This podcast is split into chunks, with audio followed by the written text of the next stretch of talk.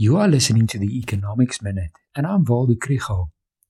The Reserve Bank's Monetary Policy Committee will hold its last meeting of the year on Thursday, and economists are waiting to see if this will be the start of a series of repo rate hikes. They need to decide whether we are experiencing a sustained increase in the general price level that could potentially cause inflation to rise above the target band of 3 to 6 percent. I explained yesterday that inflation is a process in which prices increase and then wages in response. One might think that this happens when the economy overheats.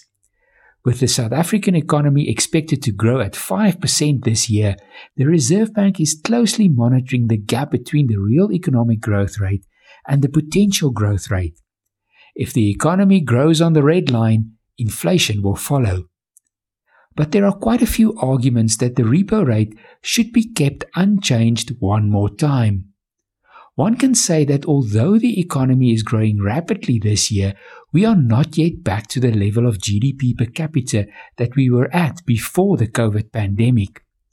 High frequency indicators show that growth has lost steam between the riots and load shedding.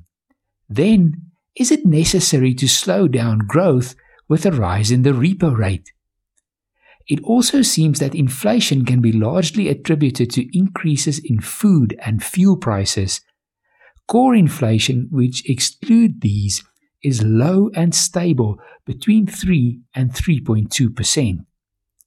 Should we be worried about imported price increases due to a weaker rand? I don't think so. Research shows that the pass through from exchange rate depreciation to consumer prices is quite small. But domestic growth and price pressure are not all that the Reserve Bank thinks about. Tomorrow, I will talk about the influence of US inflation and interest rates on the repo rate decision.